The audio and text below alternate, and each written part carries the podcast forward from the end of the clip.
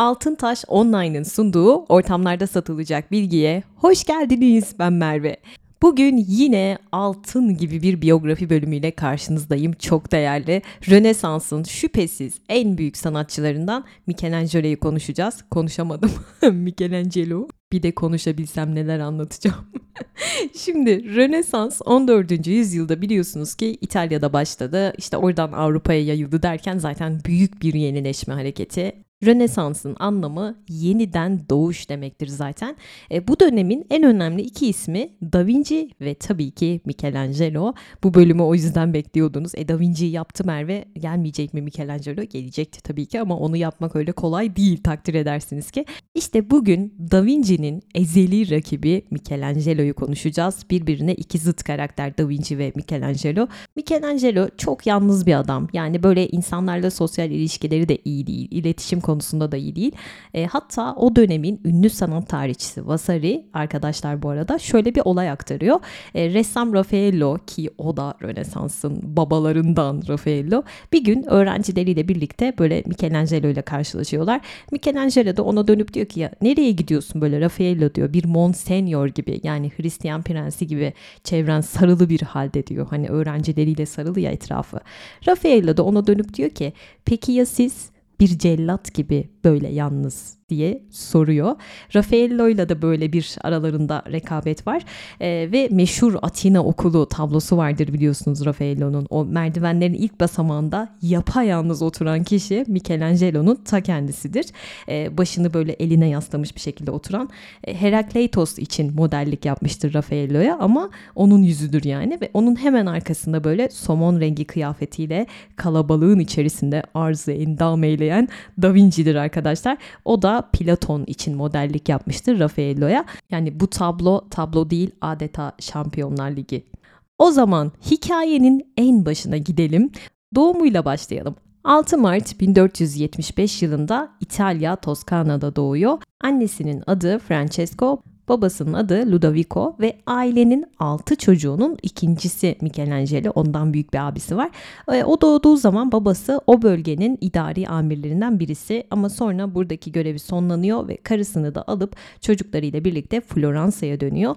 Ama maalesef maddi sorunlar baş gösterince babası Michelangelo'yu Settignano'da bir taş ustasının yanına gönderiyor ve bence hayatının dönüm noktalarından biridir bu Michelangelo'nun ve bu taş ustasının eşi ona süt annelik ediyor. Çünkü Michelangelo daha bebek buraya gittiğinde sürekli onlarla birlikte vakit geçiriyor. Taş ocağına gidiyor, orada çalışanları izliyor, taşlarla oynuyor ve Michelangelo'nun ileriki hayatında yazmış olduğu sonelerinde işte o çocuklukla ilgili anıları var ya taşlarla mermerle ilgili o çocukluk anıları sebebi bu olabilir muhtemelen. Örnek ver Merve. Ya şöyle e, bir keresinde Giorgio Vasari ile konuşurken ona diyor ki Giorgio zekam biraz iyiyse senin memleketin Arezzo'nun kırlarının tertemiz havasında doğduğum içindir. Heykellerimi yaparken kullandığım çekiç ve kesikler de emdiğim anne sütünden geçti demiş.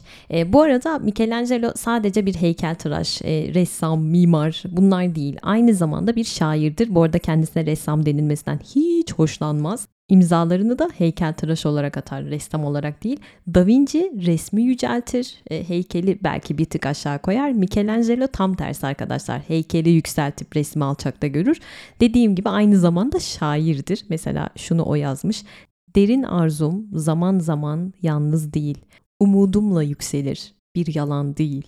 Merve bizi kandırma. Bu bir Türk sanat musikisi dediğinizi duyar gibiyim. Aynen öyle değil mi ya Türk sanat müziği gibi ve şunu söylemiş.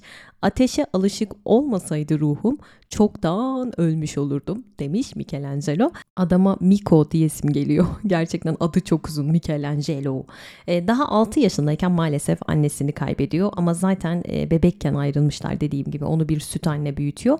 Bu arada neden Michelangelo koyulmuş onun adı? Bu ismi ona babası veriyor. Çünkü e, Michelangelo doğduğu zaman babası onda böyle yaşam deneyiminin çok ötesinde doğaüstü bir şey görmüş adeta adeta. O yüzden bu ismi vermiş.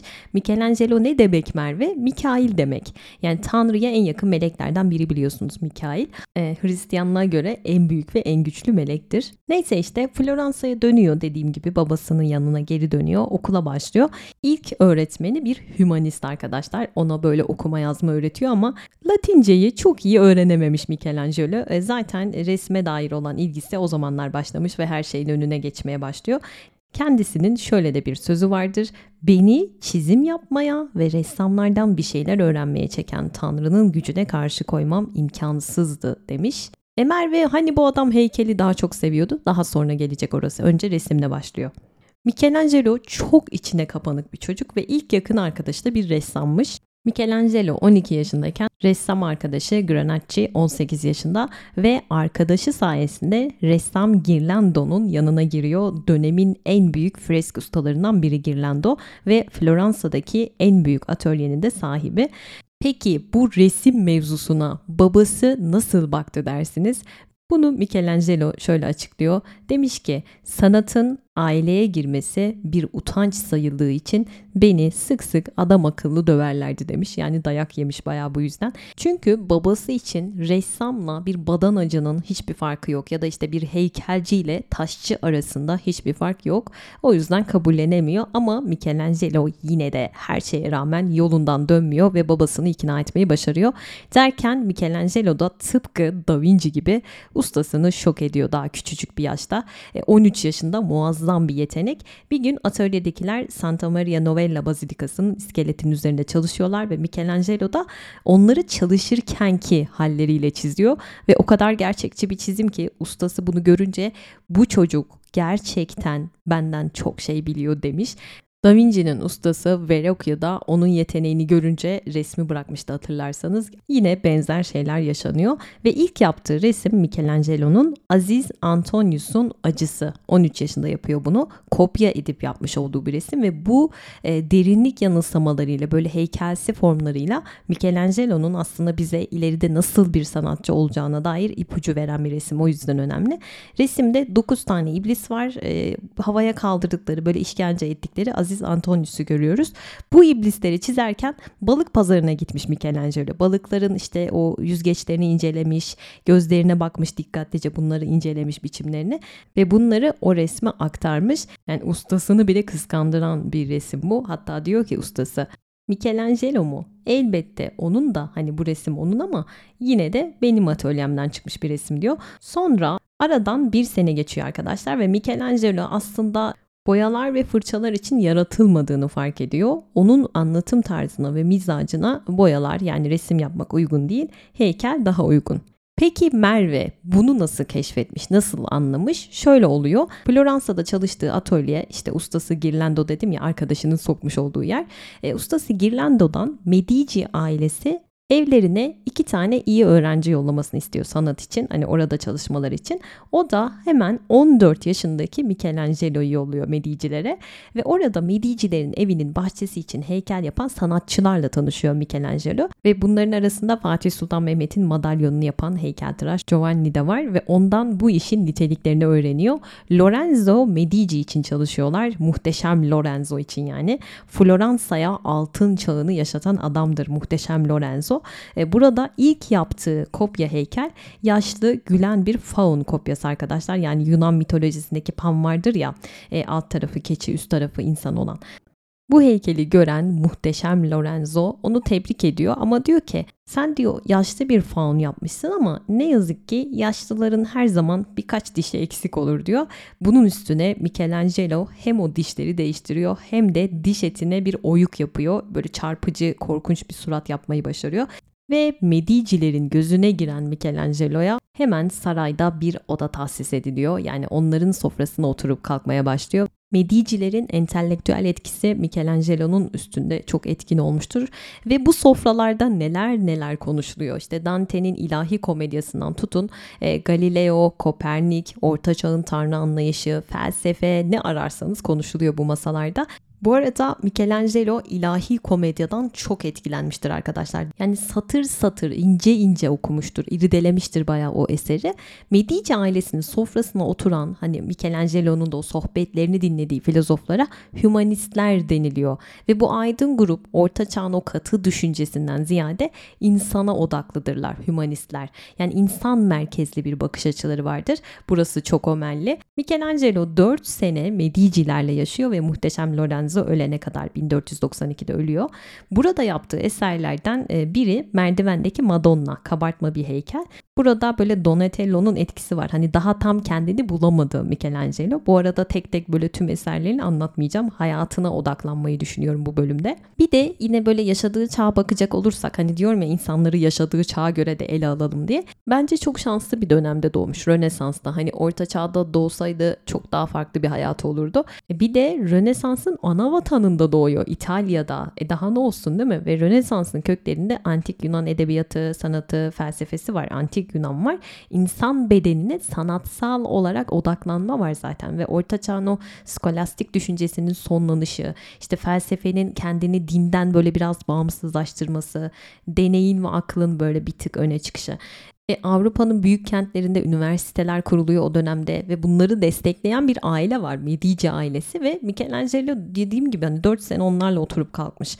E, onlarla çalışma fırsatı bulmuş. Aslında şanslı bir isim Michelangelo bence dönemine göre. Bu arada muhteşem Lorenzo 1453'te Fatih İstanbul aldığı zaman İstanbul'dan kaçan Bizanslı bilim insanlarına kucak açmıştır. Onlar için bir üniversite kurmuştur ve Michelangelo işte böyle bir ortamda bir de yeni Platoncu okulun etkisine giriyor yavaş yavaş yavaş. Filozof Marsilio Ficino'nun şu sözlerinden etkilenmiştir. Ficino yeni Platoncu önemli bir filozof arkadaşlar. Ruhun ölümsüz olduğunu söylüyor. Evet onda da bir simyacılık var ölümsüzlüğü arama durumu. İnsanı evrenin merkezine koyuyor. Yani kısaca mikrokozmosun içinde makrokozmos, makrokozmosun içinde de mikrokozmos olduğu görüşü. İçimizdeki tanrı parçacığı meselesi öyle anlatayım kısaca. Hatta şöyle de bir sözü var. Kendini tanı ey insan kılığındaki tanrısal soy. Peki abi kızma. Hatta meşhur bir hikaye vardır ya işte Michelangelo'ya soruyorlar. Nasıl bu kadar güzel heykeller yapıyorsun diye. O da diyor ki o güzellikler zaten taşın içinde vardı. Ben sadece fazlalıkları aldım diyor. Hani bazılarına odun diyor ya kadınlar. Keşke bizim de böyle ne bileyim Michelangelo gibi imkanlarımız olsaydı. ya o odunun içinde neler var? Ben sadece fazlalıkları atmıştım.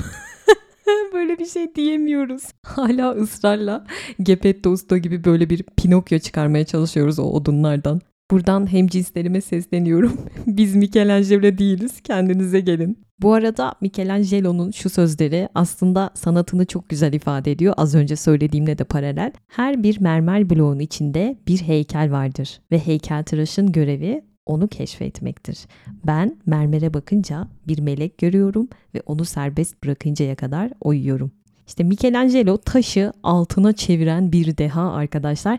Bir de yarım asırdır altını sanat eserine dönüştürenler var.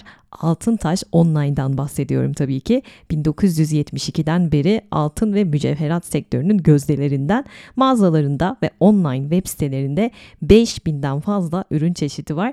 Ben zaten az önce yine altın zincir bakıyordum sitede ve en sevdiğim aksesuar biliyorsunuz zaten altın kolyeler. Favorilerim ezme sepet altın zincir ve İtalyan mat örgü. Süzme balık sırtına da bir bakın derim. Bunları ben böyle tişört üstüne bile günlük hayatta kullanıyorum. Bir de yüzük kategorisinde Aquamarine Baget Rüya Pırlanta yüzük var. Sanırım aşık oldum. Yani gördüğüm en şık yüzüklerden biri. Hem böyle siz ömür boyu takarsınız hem de kızınıza, torununuza bırakabilirsiniz. Tam öyle bir yüzük. Yadigar kalacak yüzüklerden. Zaten biliyorsunuz ki Altıntaş Online'da alacağınız ürünler ömür boyu garantili. Tüm tamiri ve bakımı ücretsiz olarak yapılıyor. Altıntaş Online'ın web sitesinden yaptığınız tüm alışverişler eğer saat 16.30'dan önce sipariş verirseniz aynı gün sigortalı kargo ile hemen adresinize gönderiliyor. Kişiye özel tasarımları da var bu arada ve şu an online'a özel web sitelerinde tüm ürünlerde %20 indirim var. Altına yapacağınız yatırım hep söylüyorum en güzel yatırımdır. Tecrübeyle sabit arkadaşlar. Hani Seda Sayan diyor ya ben çorap kadınıyım. ya o kadar gülmüştüm ki ona. Bunu ben kendime uyarladım. Altın bir kültürdür. Ben altın kadınıyım. Sen takarsın, takmazsın. Eli kolu boş gezersin. Beni ilgilendirmez. Ben altın severim. Markete giderken bile taktığım altınlardan ötürü hanımefendilerden helal olsun diyenleri duydum. Bu ortamlarda satılacak bilgi dinleyiciler için bir kuraldır. Açıklamalara bir link bırakıyorum. Altıntaş Online'ın birbirinden güzel ürünlerini incelemek isteyenler bu linke mutlaka bir göz atsın. Hadi devam edelim. Peki Michelangelo neden böyle bir söz söylemiş? Hani o güzellikler zaten taşın içinde vardı falan böyle işte. Neden bunları söylüyor? Çünkü Ficino'nun etkilendiği bir sözü var. Yani olabilir. Ficino bir gün şöyle bir şey söylüyor. Şu taşı alalım diyor. Görüyor musunuz? Biçimsiz bir taş parçası hiçbir şeyi temsil etmiyor. İçinde bir ide saklı bir biçim hapsedilmiş duruyor. Bir heykelcinin yavaş yavaş bilinçli bir tutumla fazlalık her şeyi çıkarması yeterli olurdu. O zaman bu taştan olağanüstü bir heykel varlık kazanır, daha doğrusu özgürleşip çıkardı. Ellerimizle değil sevgili dostlarım, zihnimizle resmeder ya da biçim veririz zihnimizle resmeder ya da biçim veririz demiş Ficino. Bundan etkilenmiş olabilir Michelangelo. Neyse Michelangelo muhteşem Lorenzo'nun işte hayatını kaybetmesiyle beraber e, büyük sarsılıyor. Çünkü daha 17 yaşında ve Lorenzo onun manevi babası gibi. Lorenzo hayata veda edince Michelangelo saraydan ayrılıyor ama Lorenzo'nun oğluyla da bir samimiyeti var. E, oğlu ama böyle çok sanattan anlayan bir tip değil. Sadece böyle yani seviyor Michelangelo'yu böyle dost gibi olmuşlar artık ve onu saraya geri çağırıyor. Hatta çağırma sebebi en başta İtalya'da böyle büyük bir kar yağışı oluyor ve çabuk diyor çağırın Michelangelo'yu sarayın bahçesine diyor kardan bir heykel yapsın diyor. Nereden nereye yani sanat konusunda babaya bakın oğluna bakın. Halk da bayağı huzursuz Lorenzo'nun olduğu Pietro de Medici'den. Ve o sıralarda etkisini giderek artıran bir rahip var. Girolamo Savonarola. Bu adam cumhuriyetçi ama öyle zannettiğiniz gibi bir cumhuriyet değil bu. Yani kadınlar işte ortada görünmesin, ahlaka, edebe, dine aykırı, İnsan eliyle yapılmış sanat eserleri günah. Ya işte bilgi sadece din adamlarının tek elinde olmalı. Acaba niye? Dünyayı değiştiren icatlarda bunu konuşmuştuk. Böyle bir insan ve bunun üzerine halk ayaklanıyor. Hani üst üste gelince bunlar ve Medici ailesi Bologna'ya sürgün ediliyor. Michelangelo da gidiyor onlarla beraber ama o sürede bir sene falan başka bir yerde takılıyor Michelangelo. Floransa'da yönetimi bu rahip Savonarola ele geçiriyor. İşte kitapları yakıyor, sanat eserlerini böyle törenle eşliğinde yaktırıyor bunları.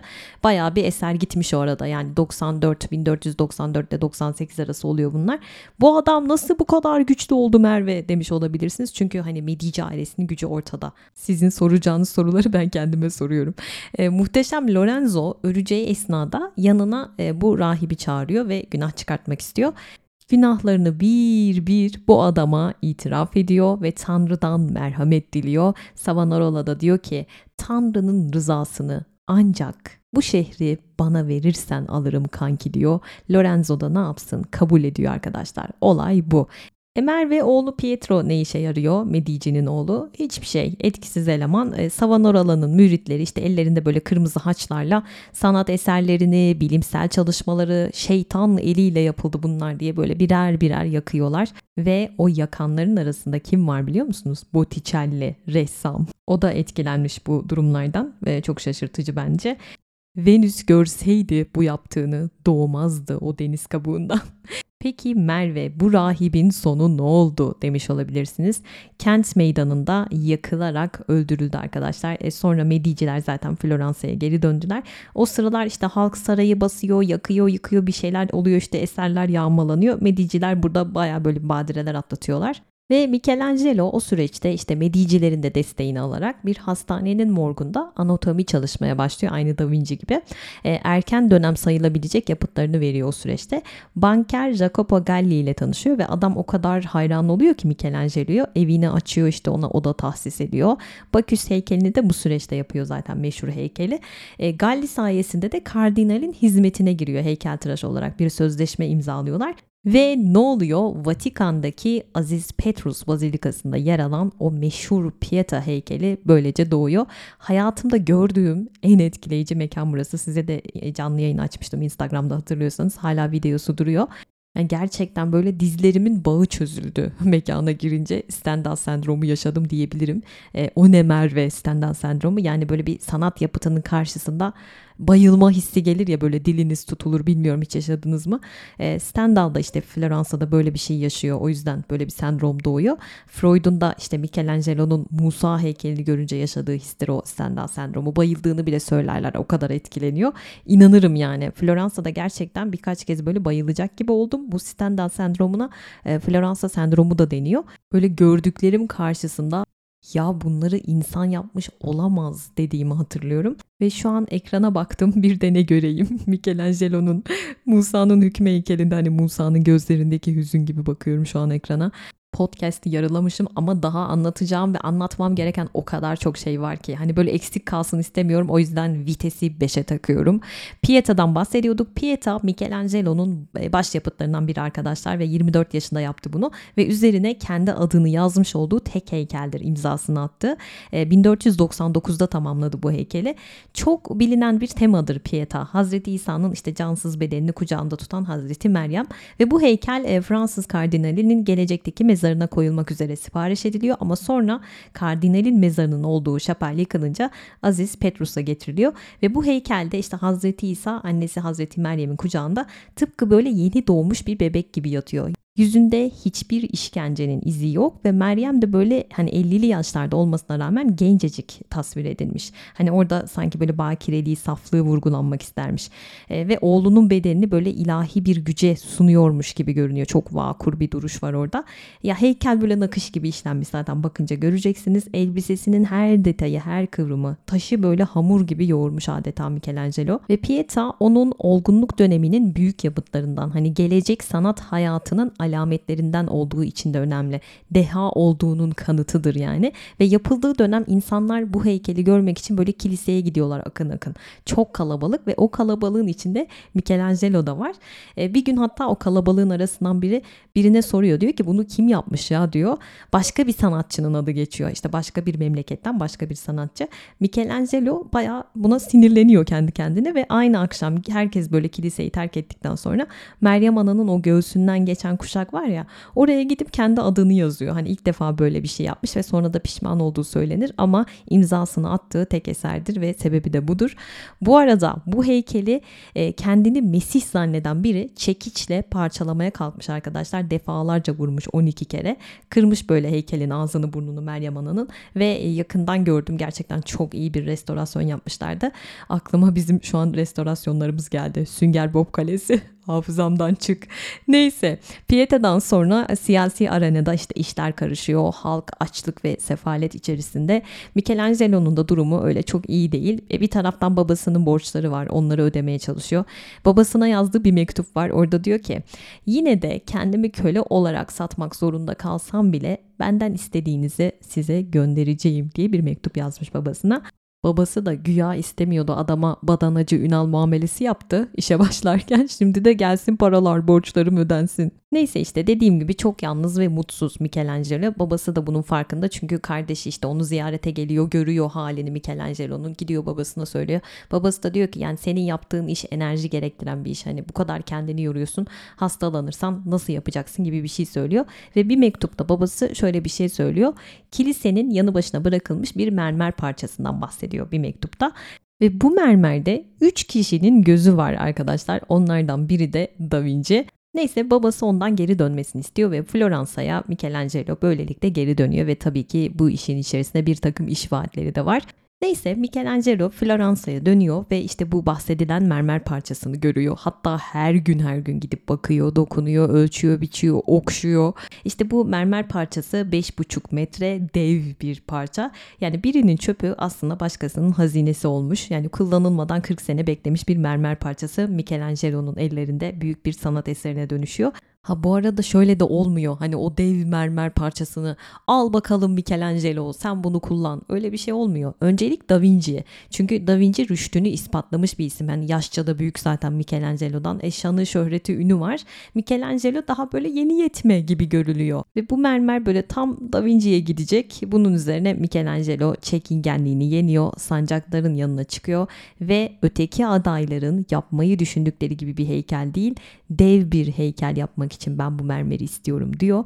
Aslında bu Da Vinci'ye bir meydan okuma. Yani en genç sanatçının en ünlü sanatçıya meydan okuması ve bu mermer savaşının kazananı Michelangelo oluyor.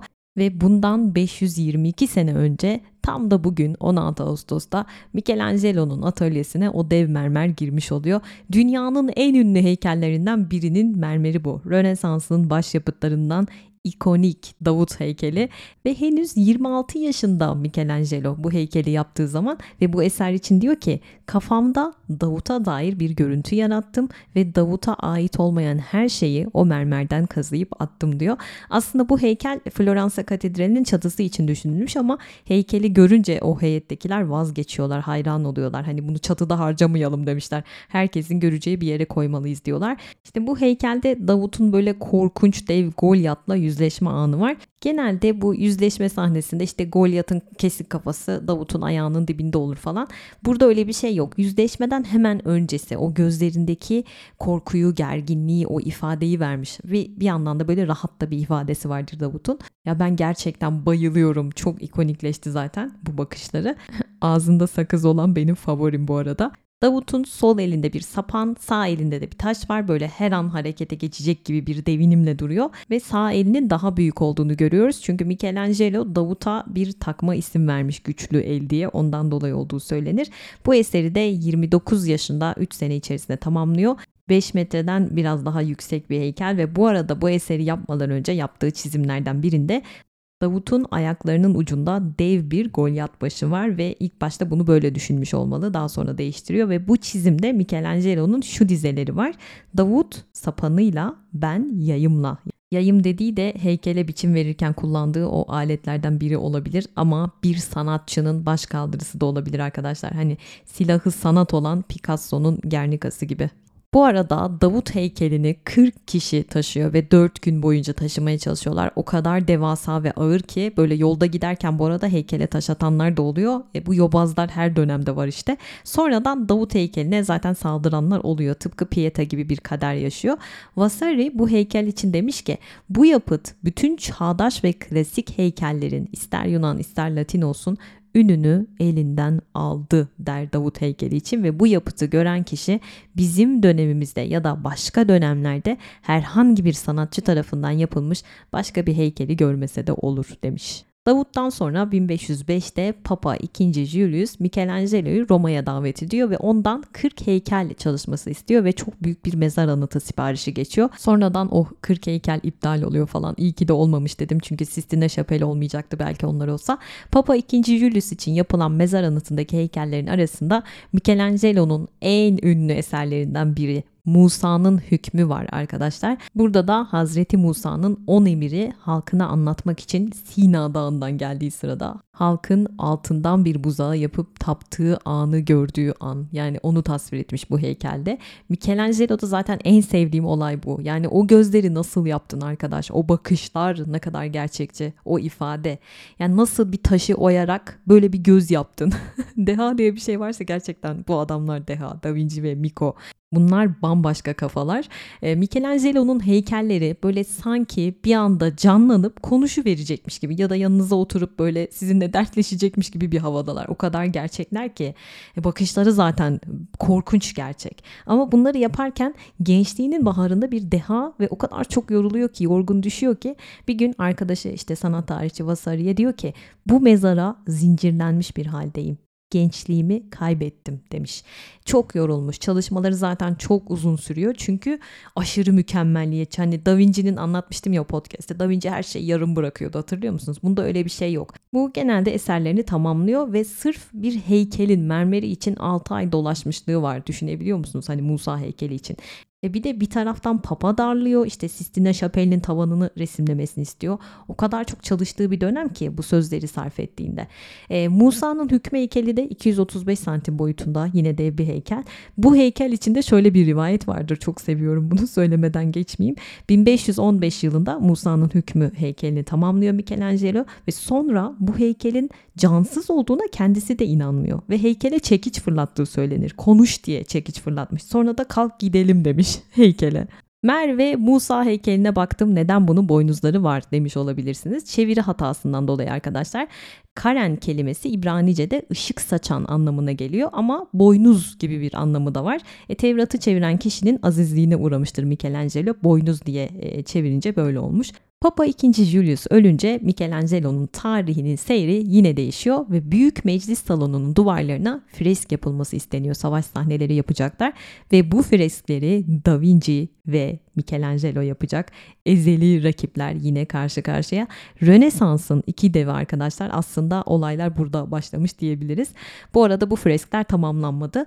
Olay da şöyle. Leonardo o sıralar e, son akşam yemeği tablosunu yapmış ve şöhretinin doruğunda bir isim ve zaten e, çok şık, çok bakımlı, çok seçkin bir adam anlatmıştım Da Vinci bölümünde. Ama Michelangelo onun tam tersi. Böyle çok hırpani, giyimine kuşamına hiç özen göstermiyor. Saçlar, sakallar birbirine girmiş. E, bir de çok alıngan, aşırı duygusal, içe kapanık bir adam. E, taban tabana zıt karakterler ve o da Davut heykeliyle ün kazanmış. Aslında ikisi de Nirvana'da ün olarak ve Michelangelo yaş olarak dediğim gibi küçük bayağı Da Vinci'den ama yine de birinci olmak gibi bir isteği var. Hani ben birinin ardından ikinci olmak istemiyorum gibi bir kafaya girmiş. Çünkü o da aynı ölçüde başarılı Da Vinci ile. Neden ikinci olsun değil mi? Da Vinci de işte hey hey hadi bakalım bebeleri pistten alalım alalım. Öyle bir kafada mı? Değil. Hani Da Vinci'nin daha ben ılımlı olduğunu düşünüyorum. Ee, hani böyle daha sanatını takdir ettiğini düşünüyorum Michelangelo ama Michelangelo'da böyle biraz kibir var arkadaşlar. Yazarı belirsiz olan o döneme ait bir kaynakta şöyle bir olay rivayet edilir.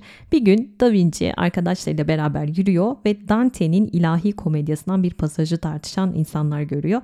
Onlar da hemen Da Vinci'yi görünce soruyorlar işte sen ne düşünüyorsun bu ilahi komedyadaki pasaj hakkında gibilerinden. Da Vinci de o esnada Michelangelo'yu görüyor ve onu işaret ediyor. Michelangelo diyor size hani bunun ne anlama geldiğini söyleyebilir. Michelangelo da Da Vinci'nin böyle bir an onu küçümsediğini düşünüyor herhalde. Ona dönüp diyor ki sen diyor söylesene diyor bronz bir heykel tasarlayıp bronz dökümünü beceremeyen ve utancından heykeli yarım bırakan birisi olarak sen söyle diyor. Leonardo'dan tık yok, şok. Yani hiçbir şey demiyor. E, bu olayda bence Da Vinci haklı. Yani Michelangelo nerelerden ne anlamlar çıkarmış. Yani adam bence Dante'yi çok seviyor diye hani böyle bir jest yapmak istedi belki. Hani o bilir arkadaşlar ona soralım gibi. Ama zaten e, sonra kendini eve kapatıyor Michelangelo bu olaydan sonra işte bir tükenmişlik sendromu yaşıyor resmen. Alınganlık, duygusallık. E, 39 yaşında o zaman hani çok da küçük değil. Kendini de şiire veriyor o süreçte ruhuma şifa olsun diye.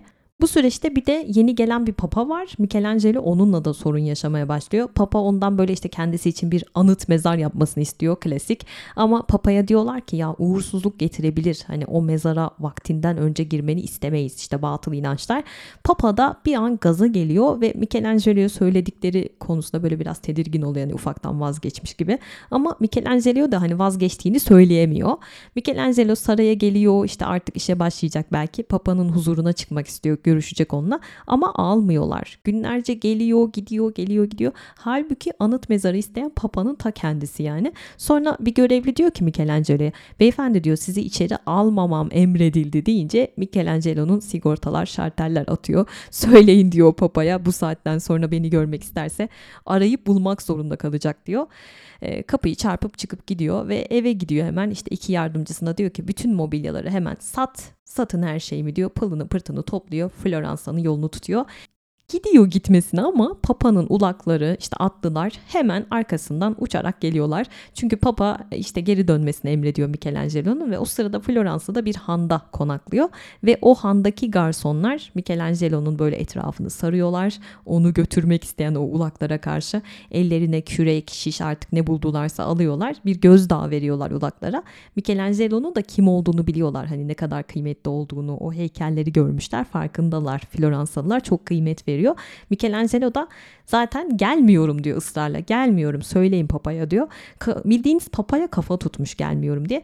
Ve ben zaten diyor Floransa yurttaşıyım. Beni diyor bu topraklarda tutuklayamazsınız. Papanın öyle bir yetkisi yok diyor. Neyse işte sonra bir şekilde uzlaşıyorlar ama baya böyle bir uzun bir süreç bu yazışmalar falan. Neredeyse savaş çıkacak öyle söyleyeyim. Hani Michelangelo yüzünden bir kriz yaşanacak. Hatta Michelangelo diyor ki Ben de o zaman Türkiye'ye giderim diyor. Tabii ki Türkiye demiyor da Osmanlı yani. Keşke gelseydi ya. Yani eskiden bize gelmek isteyen adamlara bakar mısınız? Atatürk zamanında da hani Yahudi bilim insanları Türkiye'ye gelmek istemişti. Einstein falan. Beyin göçü mevzusu arkadaşlar çok üzülüyorum biliyorsunuz ama hak da veriyorum işte ne diyeyim. Neyse konuya dönüyorum.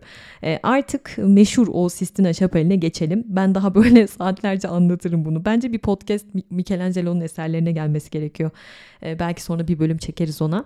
Sistine Şapeli Vatikan'da Papa'nın resmi mekanı ve adını Papa 4. Sixtus'tan alıyor. Şapelin ünü de tabii ki o tavanındaki freskten kaynaklı.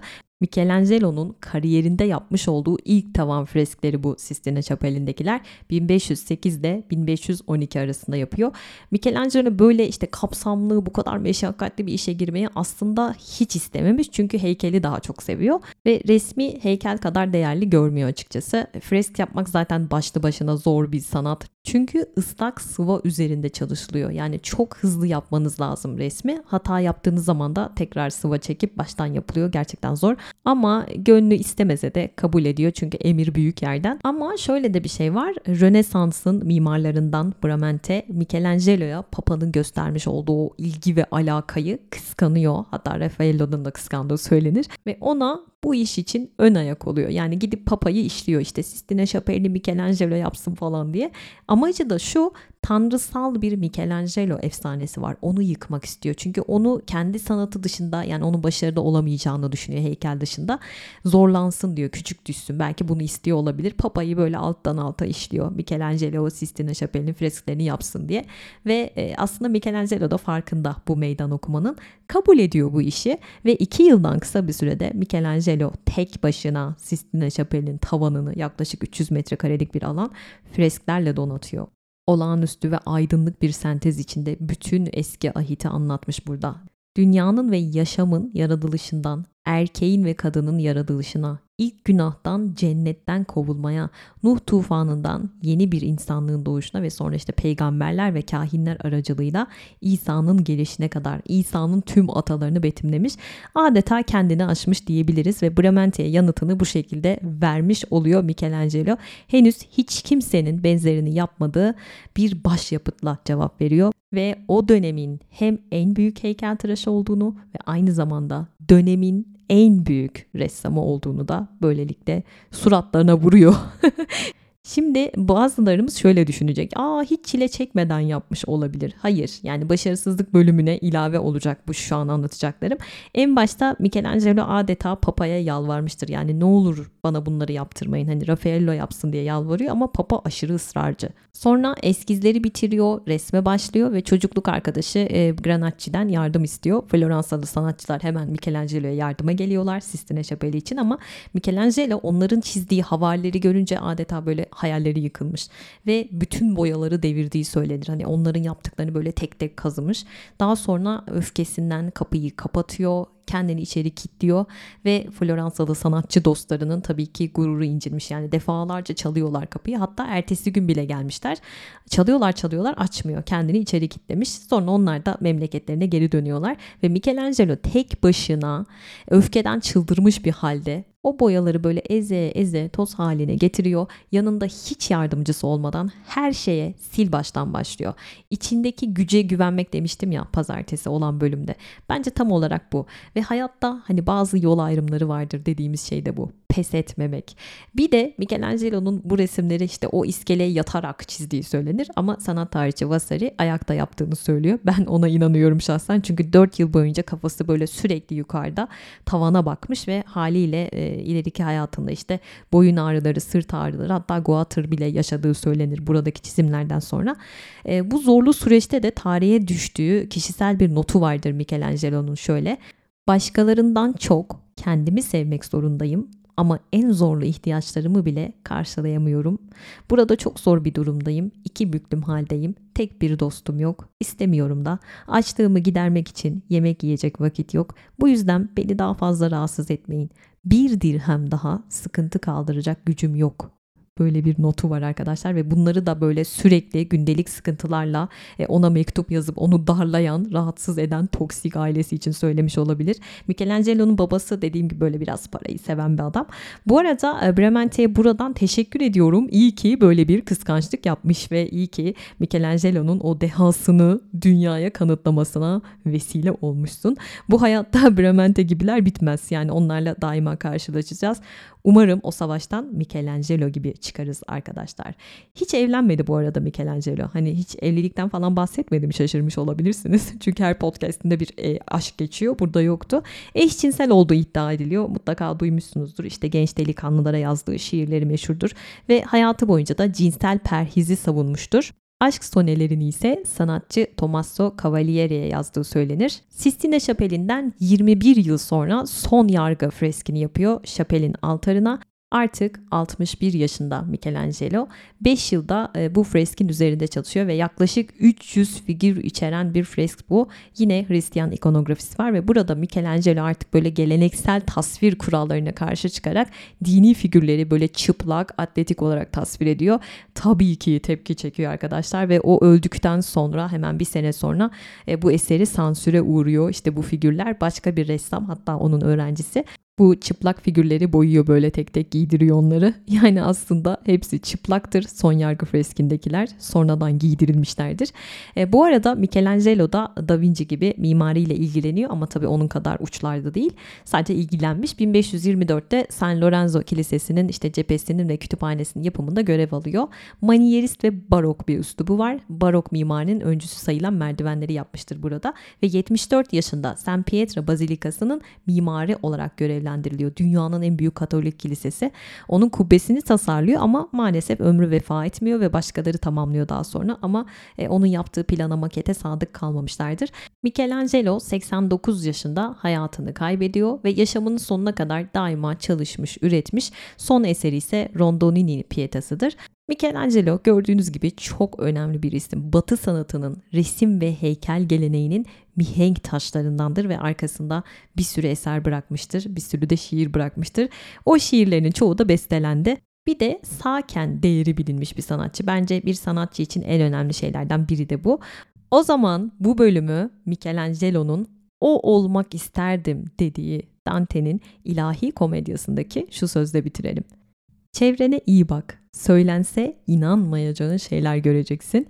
İnanamayacağınız kadar güzel mücevheratlar görmek için açıklamalara bırakmış olduğum linke tıklamanız yeterli. Altıntaş Online'ın sunduğu ortamlarda satılacak bilginin sonuna geldik ve son olarak Michelangelo'nun şu sözü gelsin bizlere. Hala öğreniyorum.